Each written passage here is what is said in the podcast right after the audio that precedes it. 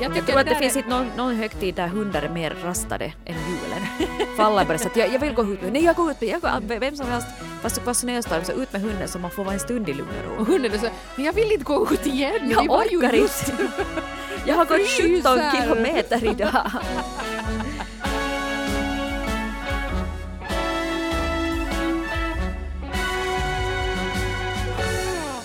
Giv mig ej glans, ej guld, ej prakt, utan ge mig bara lite vanlig jävla lugn och ro. Och folk som kan bete sig Ja. och inte slåss och har sig. Ah, Jag vet inte varför det, är varför är det så här att folk alltid börjar slåss på julen. Alltså inte så där att man nu far ut på gator och torg och börjar slåss, det gör folk visserligen också.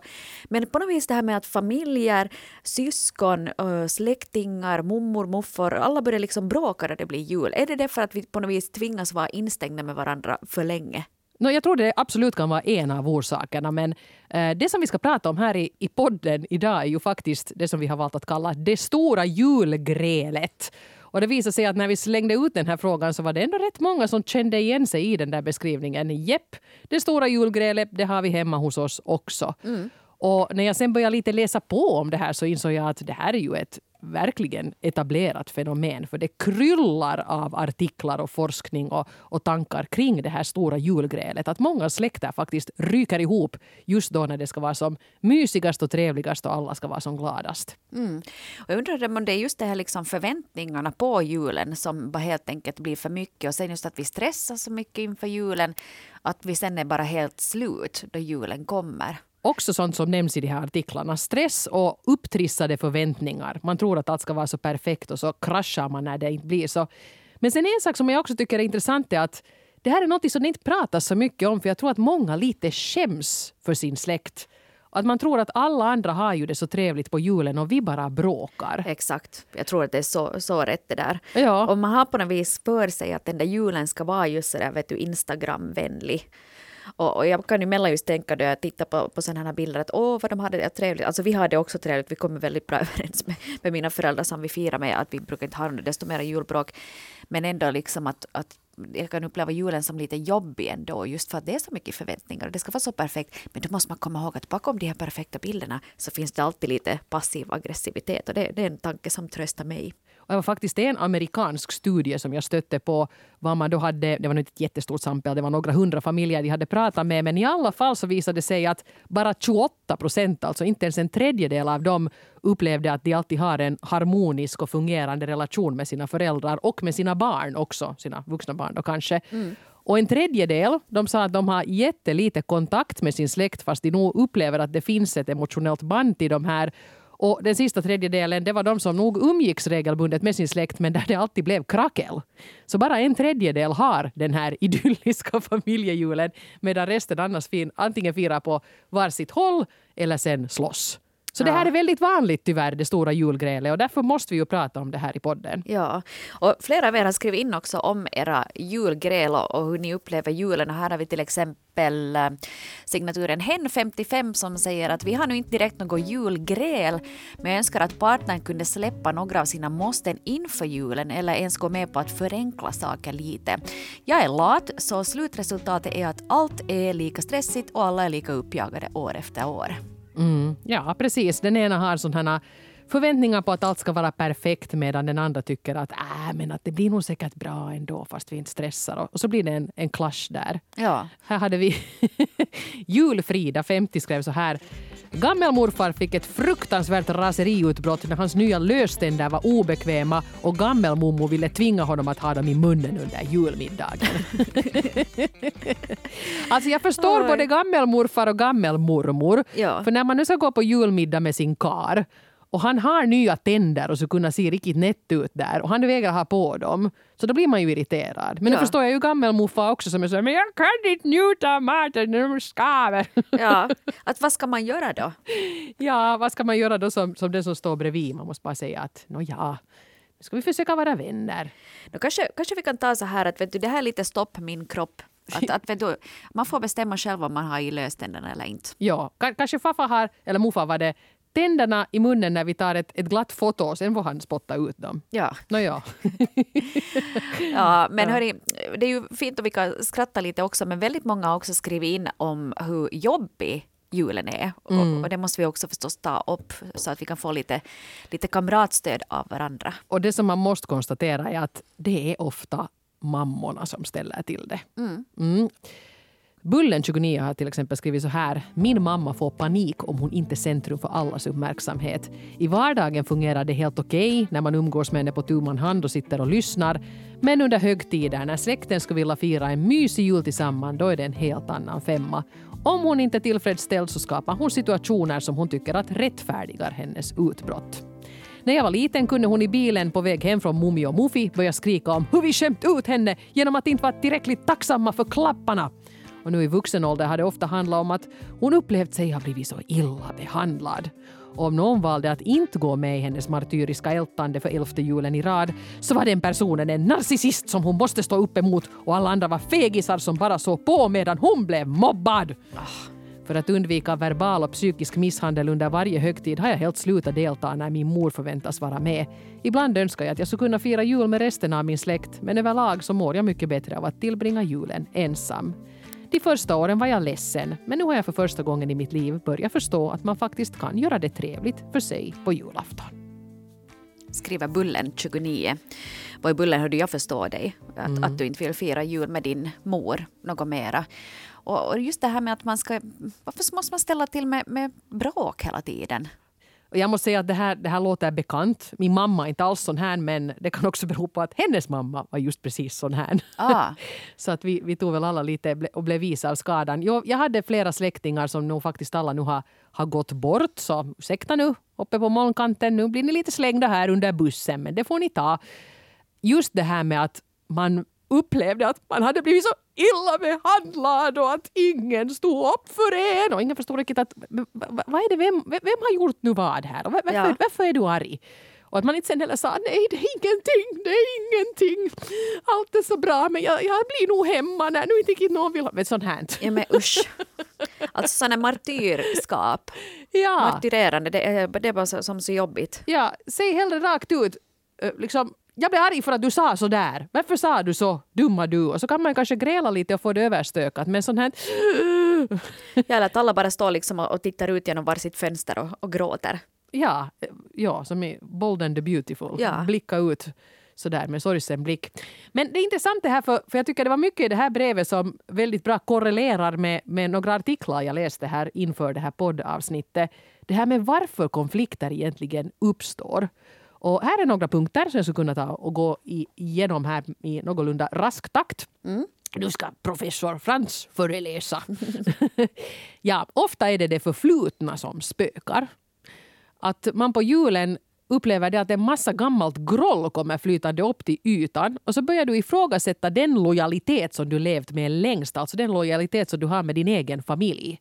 Mm. Till exempel syskontjafs kan komma flytande upp igen fast du i vanliga fall har en helt trevlig relation med ditt vuxna syskon. Och sen det här, det här kan ju eventuellt hänga ihop med den här mammans martyrbeteende. Det är att statusarna inom familjen skiftar med tiden.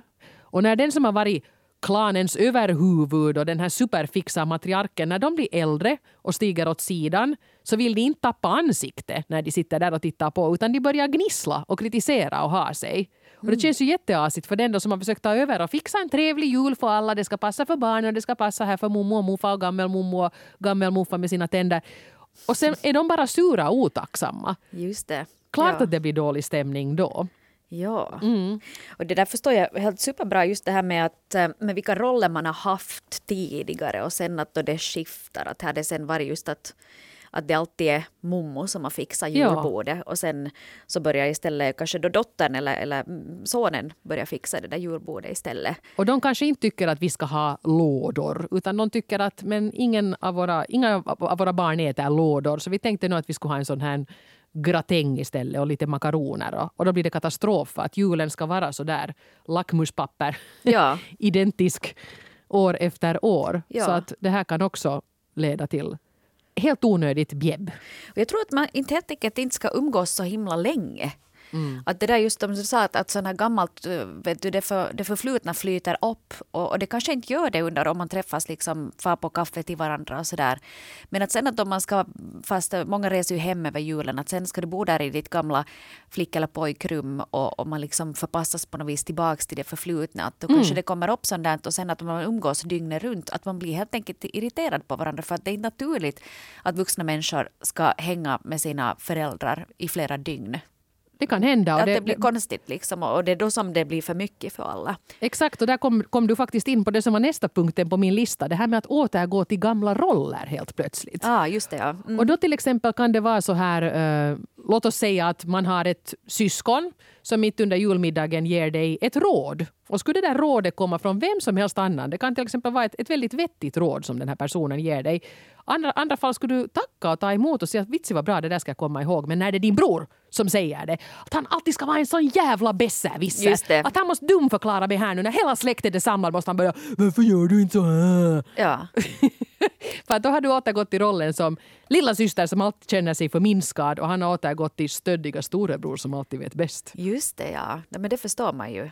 Ja, mm. att man, att man, liksom, man, man tolkar in för mycket i det som sägs. Ja, och, och just det där att i och med att det var den där släktingen som sa det, det är det som sen får dig att tända till. Just det.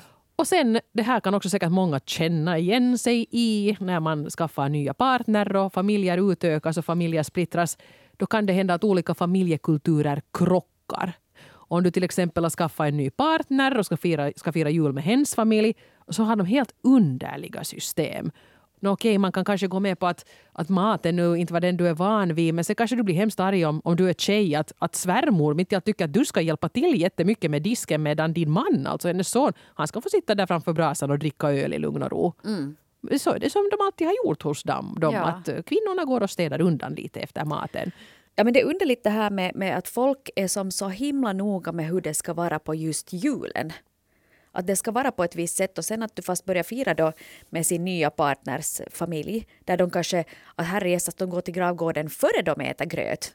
Eller, eller vet du, hur kan man liksom, men det här ska ju hända efter Kalle Anka, nej, kan ni göra så, att ska ni inte ha det här på julbordet, att det blir det är som så himla inrotat i oss det här, att hur vi ska fira den där julen, att det också tror jag kan vara en orsak till att folk börjar liksom gräla. Mm. Ja, exakt. Och nu har vi firat, jag tänker på mitt eget julfirande. Vi har löst det här ganska bra. För vi firar ju alltid jul tillsammans med mina föräldrar hemma hos eh, min familj. Då. Och sen åker vi på mellandagarna upp till Vasa och tar en, en julrunda till med, med släkten där. Och det har funkat jättebra, jättefriktionsfritt och, och bra mm. att komma fram till det här. Men nu har jag ju någon gång firat jul med uh, min mans familj också. Och uh, till all lycka, jag tyckte de hade ganska kompatibla jultraditioner med mig. Men nu är det ju klart att man måste ju bara fatta galoppen. Man är ju en gäst. Mm. Så då kan man inte vara sådär att du sitter här och surar för att ni hade fel sorts cell. Ja. Nej men det kan man ju inte göra. Nej. Men det verkar nog vara också som att många av er som har skrivit in också att folk har en tendens att, och sura lite över, över helt onödiga grejer. På tal om det här med, med mat, Eva, så, så här är det signaturen S26 skrivit så här. Jag tycker ofta att det är stressande att samlas med hela familjen, mest på grund av min syster. Hon får på något märkligt vis andra att känna sig obekväma och oftast så pratar hon mest om sig själv och frågar aldrig någonting av andra. Dessutom så har hon sällan tid eller råd att hjälpa till med att ställa till inför kalaset. Istället kommer hon oftast halvsur och försenad till dukat bord. Hon kan ibland kasta fram en fråga till mig, men ofta bara för att jämföra svaret med sin egen livssituation. Hon kommer sällan ihåg vad jag har svarat. Vi bor inte på samma ort, så vi ses rätt sällan och jag tycker att det hör till artigheten att nu ens fråga hur den andra har det. Jag upplever en stor sorg kring att min syster tycks känna mig så dåligt fast vi är uppvuxna i samma hem. Jag vet att hon nog bryr sig om mig fast det är tungt att hon så sällan kan visa det. Skriver S26. Mm, låter ju jätte, jättejobbigt. Jag förstår att man blir ju irriterad om man själv har stått på huvudet och sprungit benen av sig för att fixa en, en trevlig julafton för släkten och så kommer det in någon som är sur och inte ens är, är tacksam. Nej, och bara ja. tänker på sig själv och, och, mm. och just det där att man inte har inte har tid eller råd att göra någonting men då kan du vara tacksam för dem som har satt tid och pengar på det. Och om jag, nu, nu får jag, jag kanske får spekulera jättefritt här. Det här kanske inte alls stämmer in på en situation men, men jag ska ändå berätta hur jag tänker. Jag undrar lite om den här din syster, är det kanske så att hon är singel?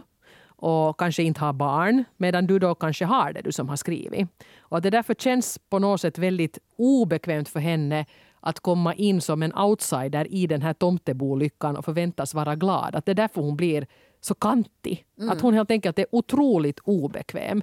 Och nu är hon ju en vuxen människa så hon borde kunna skärpa sig i alla fall och jag är helt med dig S26 där.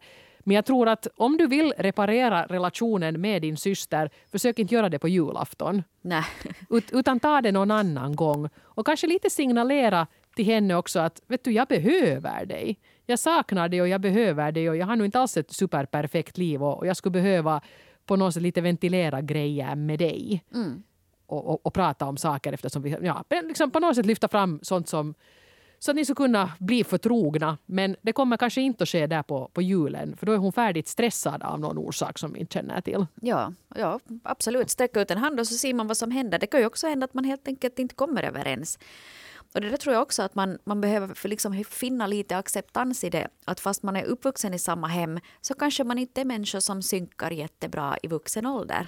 Nej. Att man kanske börjar tänka på olika sätt. Att jag menar, du gillar att dricka silvervatten, det gör inte jag. Vet du, så, så blir det bråk och så här. Eller att man bara helt enkelt inte funkar liksom sådär personkemimässigt. Och, och då kanske man också måste acceptera det att okej, okay, vi är uppvuxna i samma hem. Vi har det här gemensamt. Men vi har inte kanske ett så stort utbyte av varandra mera i vuxen ålder. Nej, det kan hända att man måste acceptera det. Men om man önskar sig den där relationen mm. Då måste man kanske arbeta på den men inte under en stor familjehögtid. För det, det, är inte läge för det då. Mm. Eh, jag stötte på här eh, en hel del artiklar om vad det är som händer i våra hjärnor när vi blir sura vid julbord. Okej.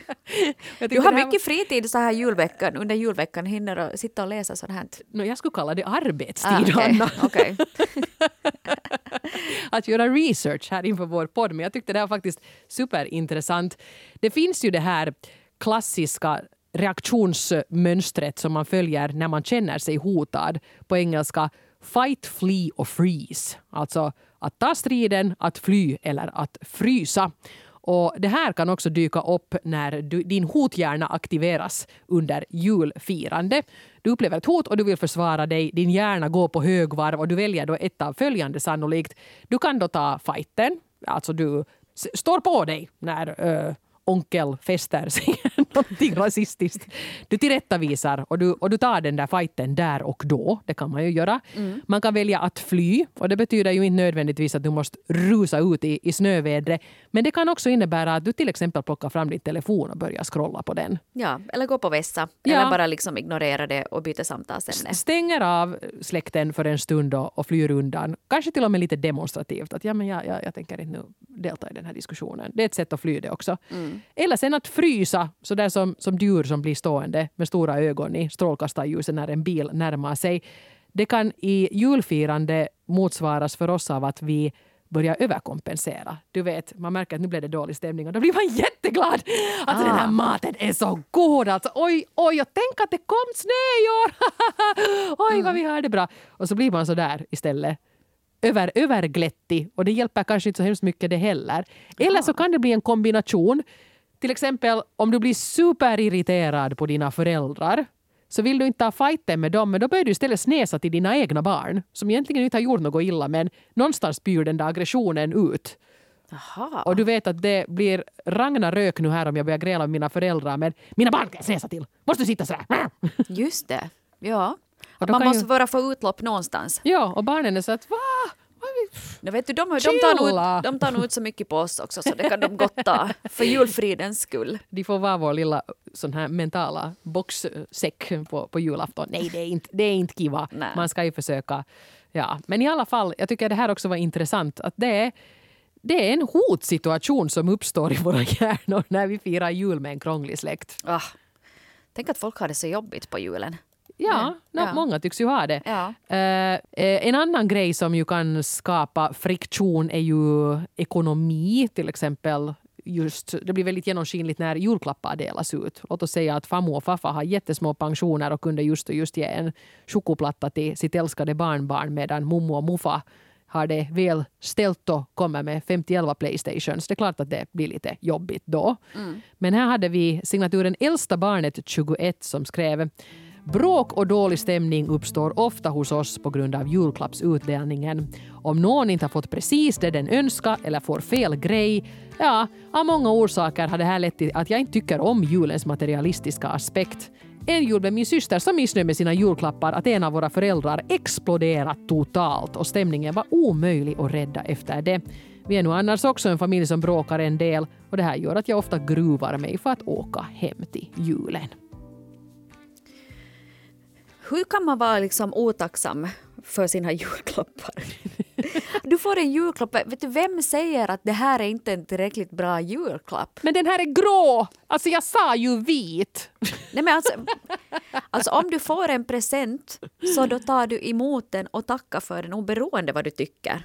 Ja. Sen kan det ju vara så att om vi nu säger fast att, du har fått en, en grå tröja Mm. Att då kan det ju vara också så att det kan vara, kanske vara bra att spara kvitto ifall, man, ifall det inte är rätt storlek, att man kan byta den sen. Men du behöver inte göra ett stort nummer av det. Nej. Att du är missnöjd med det. Att sen kan du fast att nej men hej det här var en storlek för, för liten. Att, att, så, eller att man sätter fast med kvitto i presenten. Vet du sådär att om, om man nu är familj och så där så kommer man vara så att okej okay, den kostar 29,90. Mm, här är kvitto om du behöver byta jag den. Jag sparar alltid kvitto. Varje gång jag köper en present så sparar jag ju kvitto. För det kan hända att det blir lite fel och man vill ju ge en, en present som uppskattas. Och ibland blir det inte så där optimalt men, men då är det ju bra att säga att gå och byt om, om du vill ha något annat. Att det är helt fine. Ja. Men jo, det här med att vara otacksam när man är vuxen det är det är ju inte, jag vet inte vad det är för beteende. Nej men det, det, kan, man, det kan man bara inte vara.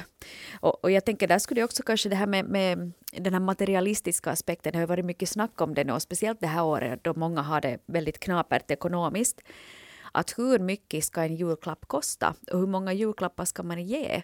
För att eh, jag har vissa bekanta som ger jättedyra julklappar åt sina barn och sina släktingar. Att det är allt vet du, från slalomskidor till tvn och Playstation och datorer och telefoner och så. Medan andra sen kanske väljer då att, att göra det betydligt mer anspråkslöst. Mm. Och det där kan ju också vara svårt att om vi säger fast att att om du har en ny partner, att den ena familjen firar, har väldigt extravaganta julklappar medan du kanske Eh, inte har råd att köpa så fina julklappar. Att det här är lite mer så att men här får du en pocketbok och, och en chokladask. Jag vet också familjer som har sådär i god tid före jul utarbetat ett system. Jag har en kompis som har fyra systrar. Och de har ju bara gett upp för länge sedan den här tanken på att alla ska ha en julklapp till varje syster. Ja. Så de har någon sorts lotteri och så kommer de också ungefär överens om vad det ska kosta. Just det. Och, det så, och då behöver man liksom tänka ut en riktigt rolig, genomtänkt, klurig klapp som ska passa just den systern. Och så är det ju lite spännande att när man vet på förhand att vem får jag nu då? Ja. så sådana system, det, det, finns ju lösningar. Eh, och jag hoppas det här äldsta barnet 21, eh, alltså er familj är ju värdelösa på, på julklappsutdelning. Ja, Kanske du inför nästa år säger att vet ni vad, ska vi ha sån här hullabaloo igen? Så jag tänker inte komma. Ja. Det är ju krasst att säga så. Men kanske det behövs, du måste lite ryta ifrån för att uh, de ska fatta. Att du på riktigt funderar på att inte komma överhuvudtaget. Ja, att om det blir bråk, mm. att jag är faktiskt hellre ensam eller kanske fyra med en kompis. Men det här ska du inte alltså på julafton nu, Nej. utan ta det här i god tid inför nästa jul, för det kan hända att loppet är kört nu här redan. Ja. Mm. Mm. Lite julfrid tack 33 har också skrivit till oss på följande vis. Under min uppväxt så bodde de flesta av både mammas och pappas släktingar i samma kommun som vi, så en lugn jul kunde man ju se sig i månen efter. Jag är den mest introverta i familjen och var därför i många år helt förstörd över att vara tvungen att umgås med släkten alla tre juldagarna. Så jag föreslog en kompromiss. En dag med mammas släkt, en dag hemma i lugn och ro med bara vår familj och alla julklappsböcker och en dag med pappas släkt. Men det här klingade tyvärr för döva öron och ledde till att jag och mamma i flera år hade som tradition att storgräla eftersom jag vägrade att offra hela min julfrid och stanna hemma på juldagen. Jag minns speciellt en jul efter grälet då jag stannade hemma och lyssnade på Nu i den heliga timman 15 gånger i sträck, åt choklad och pusslade en bild av svenska kungafamiljen. Det gick så långt att jag faktiskt började tycka att julen var en riktigt jobbig högtid. Efter ett antal år så tror jag dock att mamma började förstå att jag inte var krånglig utan det faktiskt var fråga om social ork, eller snarare brist på den. Småningom så slöt vi fred och det accepterades att jag stannade hemma från släktfesterna antingen på juldagen eller på julannandagen. Det blev mycket roligare för alla och jag slapp känna mig helt utmattad efter julen. Skriver lite julfrid tack 33 oh, vad bra att det löste sig. För alltså, det låter ju, jag är nu inte jätteintrovert men jag blir helt utmattad. Jag, alltså, julafton är ju en ganska intensiv dag för många mm. med strikt tidtabell och sådär. Och skulle man inte få slöa och slappa åtminstone juldagen så skulle jag nog inte palla alls. Det är ju det bästa sen. Juldagen är ju så bra. Alla har fått några klappar, alla är ganska nöjda. Det finns massa mat i kylskåpet. Det är ju så skönt. Mm. Det är jätteviktigt att få ta det lugnt i den där hullabalun också. Men om man hela tiden ska klä upp sig och, och vara fin och representativ och, och, glad och social, då blir man ju knäpp. Så det var jätte, jag tycker din, din kompromiss som du föreslog var ju mer än rimlig. Det är ju ja. inte så att du drar dig undan helt utan du var ju helt villig att komma med två av tre dagar. Det tyckte jag redan var stort ja. av en introvert person. Men vad bra att, det, att de fattat galoppen till sist. Ja, och jag tänkte också i år alltså, vi har ju tidigare, jag brukar alltid fira med mina, mina föräldrar och, och tidigare när vi har bott i Esbo så har vi givetvis övernattat hos dem. Men nu när vi bor här och har en egen lägenhet så, så tycker jag att det skulle vara väldigt underligt om jag som medelålders skulle sova över hos mina föräldrar då jag har ett eget hem att bo i. Ja, på nära håll. Det ja. hade du ju inte här för nej, några månader sedan. Nej, nej, nej. Och då mm. tänkte jag att, att gud vad skönt att den här julen, du frågat ja men hur ska vi bädda? Så att, ja, men jag tänker åka hem till, till natten. Att, att vi behöver inte umgås dygnet runt att det här väljer jag för att jag är ganska trött just nu. Jag orkar inte umgås med folk hela tiden. Utan jag tänkte komma till julfreden och sen så åker jag efter middagen. Och kanske min dotter kommer med, kanske något av barnen blir där. Vi får se. Men att man också får ge sig själv den där tiden att vara för sig själv. Mm. Och jag tänker att speciellt här, den här julen så känner jag mig väldigt trött och, och liksom och, och, jag känner att jag behöver ge det här som en, en julklapp åt mig själv. Lite, mm. lite vanlig jävla lugn och ro. Have yourself a merry little Christmas. Jag tycker mm. det låter jättebra. Ja. Många av oss behöver, behöver lugn och ro framom allt annat. Man kan skippa spa-presentkorten och, och se till att, att den här personen får vara för sig själv en stund. Ja. Signaturen Ensam 70 år har skrivit om det återkommande fenomenet julmartyrer. Den ständiga följetongen när mina föräldrar ännu levde var veckolånga anklagelser efter julen. Då surade de och var martyrer för att julen inte hade ordnats exakt så som de hade önskat. De jularna vi bestämde oss för att fira för oss själva, då var feedbacken ett crescendo av ylande om hur de gråtit och lidit hela julen. Senare påminner jag mig om en jul då mina släktingar från grannlandet råkade i luven på varandra vid middagsbordet hos oss. Ämnet var huruvida apoteken i grannlandet är privata eller statliga. Mm. Har, det är stort, det är tungt samtal. Jo, jo, jo, nu förstår man ju att det blir spänd stämning då. Numera får, en, numera får var och en göra vad de vill. Jag nöjer mig med att umgås med barnbarnen och det behöver inte nödvändigtvis vara på julafton om de befinner sig någon annanstans. God jul, skriver ensam 70 år. God jul till dig också. God jul. Mm. Det här är lite, tycker jag, samma mönster som, som hemma hos, hos mig. Att den här tidigare, tidigare generationen var så fruktansvärt krånglig på julen.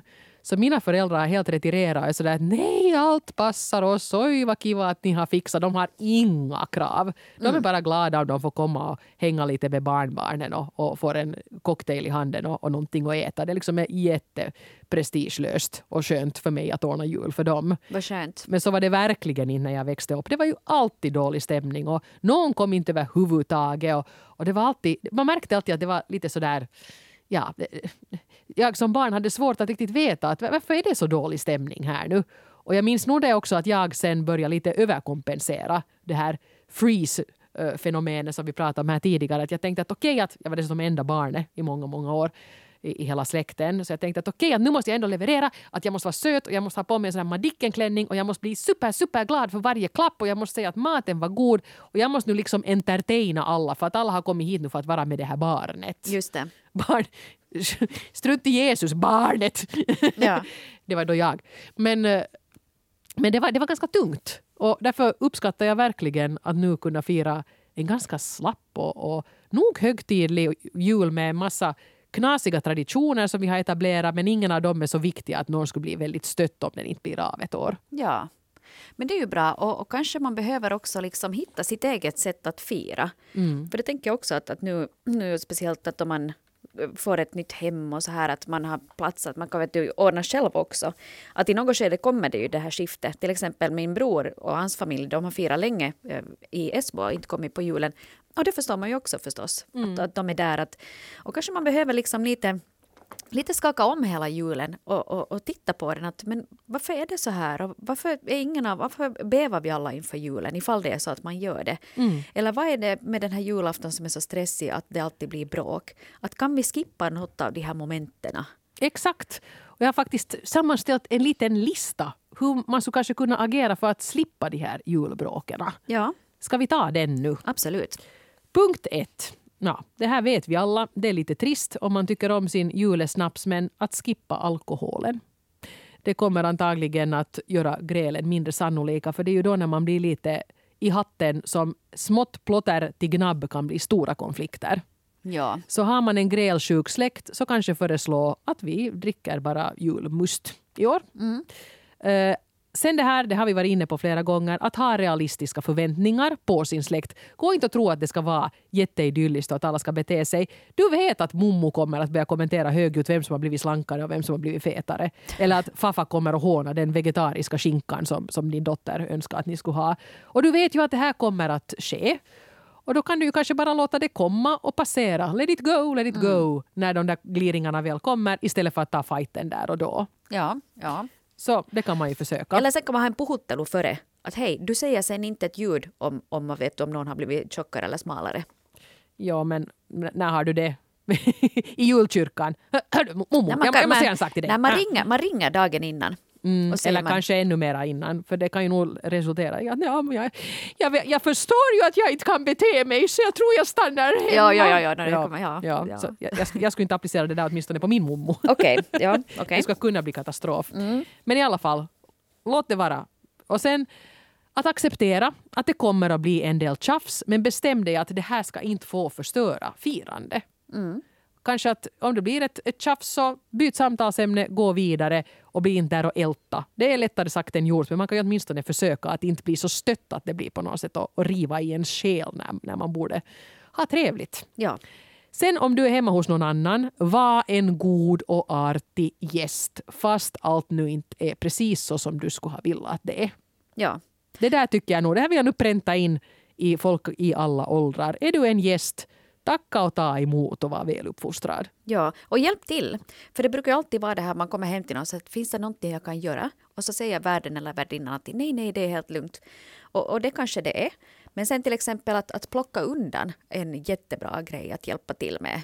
Att det kan, var och en kan liksom bära ut lite tallrikar och börja skrapa resterna i roskisen och skölja av dem för att det ska bli lite lättare. Kanske ställa in lite i diskmaskinen. Allt sånt här så hjälper ju att, att det inte blir så att den som har ordnat måste göra precis allting. För ingen tycker att det är kul att stå och plocka i diskmaskinen. Så därför kan man kanske hjälpa till med det då. No, men det där är ju också vanligt hyfs och pli. Erbjud dig att hjälpa till och, och, och var vänlig när du är hemma hos någon annan. Och om du, är, om du själv ordnar festen så ta emot den där hjälpen. Då de frågar sen att hej, då svär, nya svärdottern kommer dit och säger hej vad kan jag göra? Så att, hej det skulle vara helt super om du kan ta det här och det här och det här. Eller så ska jag säga till min svärdotter, säga, vet du vad, nu tar du en drink och vilar lite och den där min lata son, skick hit honom. Ah, jättebra. Ja. ja, det låter ja. bra. Ja, så, så tänker jag behandla mina, mina svärdöttrar. Jag vet inte hur många jag kommer att få. Det, det blir intressant att se. Ja. Ehm, det här också. Välj dina strider. Om någon är osaklig och elak, då är det ju förstås helt vettigt att du, du säger ifrån. Men om du, till exempel som den här som hade en sur och neggig syster, och nu mest sitter lite och irriterar dig på att "Va- varför måste hon nu vara så sur? Kanske du inte behöver ta den fighten där då vid, vid bordet, utan låt henne nu vara sur då. Prata med någon annan. Se om hon kanske lugnar ner sig efter en stund. Konfrontera inte henne där och då, för den striden kanske inte leder till, till något om den sker där vid Ja. julmiddagen. Bra tips. Och sen, försök inte reda ut släktens mörkaste sidor ju- just på julaftonen. Fast det är så här, "Nå, nu när vi alla är här. Ja, ja, ja, ja. Hör ni det här farmors arv? Ja, nej, nej, nej, nej. nej. Och den här stugan. Alltså, Nej, nej, nej. så, så ni kan ju kanske lite observera och reflektera dynamiken kring det som händer men försök hålla dig lugn. Du kan ju inte påverka din släkt men du kan åtminstone själv försöka förbli lugn. Och det kan till och med hjälpa det där att om det blir en stor fight om det finns en person, person vid bordet som, som håller lugnet så kan det hända att det, det är det som alla klamrar sig fast vid och så ebbar den där stormen ut lite tidigare för att en har hållit lugnet. Ja, Ja. Det är lite, det är lite liksom att släcka bränder hela det här julfirandet och, och sen kanske att undvika att, att leka med elden. Mm, Jo. också. och sen att, att ignorera, släpp det, gå vidare. Gör det enkelt, håll det, vet du, ta pauser. Ja. Och, och liksom göm dig fast i, i bastun en stund eller någonting om du behöver lite lugn och ro eller säg att du ska gå en promenad. Jag Jag, tror att det det där finns är- någon, någon högtid där, all, där hundar är mer rastade än julen.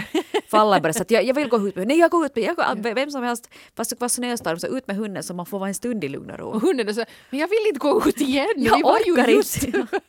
Jag har gått 17 fryser. kilometer idag. Låt mig vara i fred. Jag vill ha lite lugn och ro. Ja. Jeez. Jag vill bara ligga på soffan och vet du, tugga på mitt julklappsben. Ja, men jag tycker det där var en bra, en bra poäng du hade där Hanna, att det kan behövas lite jul-time-out mellan varven om du går ut och, och röker en halv ask cigaretter på balkongen eller, eller gömmer dig i bastun eller, eller ja, går, går ut med den där stackars hunden. Eh, det är bra om du har lite sådana alternativ du kan ta till när du verkar att nu börjar, nu börjar det brusa upp lite väl mycket här. Men, Ja. men i- kanske hellre det än man blir kvar tills man blir argare och argare och det blir katastrof av allt sammans. Ja, Nå jo, yes. Hörni, tusen tack veckans brevskrivare för väldigt avslöjande och, och, och jag menar det avslöjande brev och, och som vi var inne på här allra först, man skäms ju lite för att det blir så här just hemma hos oss. Att vi aldrig kan ha det riktigt kiva för att det alltid blir bråk. Men det tycker jag inte man ska göra. Det här är väldigt vanligt. Kom ihåg att ni är verkligen inte de enda som har det lite sådär frostigt. Mm. vare sig det är frost ute eller inte. Ja, och fundera på det att om den här julen nu känns väldigt bökig så börja redan nu tänka att hur skulle jag vilja fira jul nästa år? Och man kanske kan, kan hitta på något nytt och sen för att ingen ju behöva heller lida i juletider. Ja, Precis. Förutom jungfrun Maria som födde I ett stall. Usch, det måste ha varit med, jobbigt. Med bara sin man som assistent. Ja, nej, Oj, det, oj. det var nog ingen höjdare till jul för Nej, jungfrun Maria. Nej, jag tror inte. Ja, Och så kom de med något guld och myrra. Liksom. Skulle man kunna få en kashmir scarf eller någonting? har en pizza. Ja. Cheese. Vise män my ass.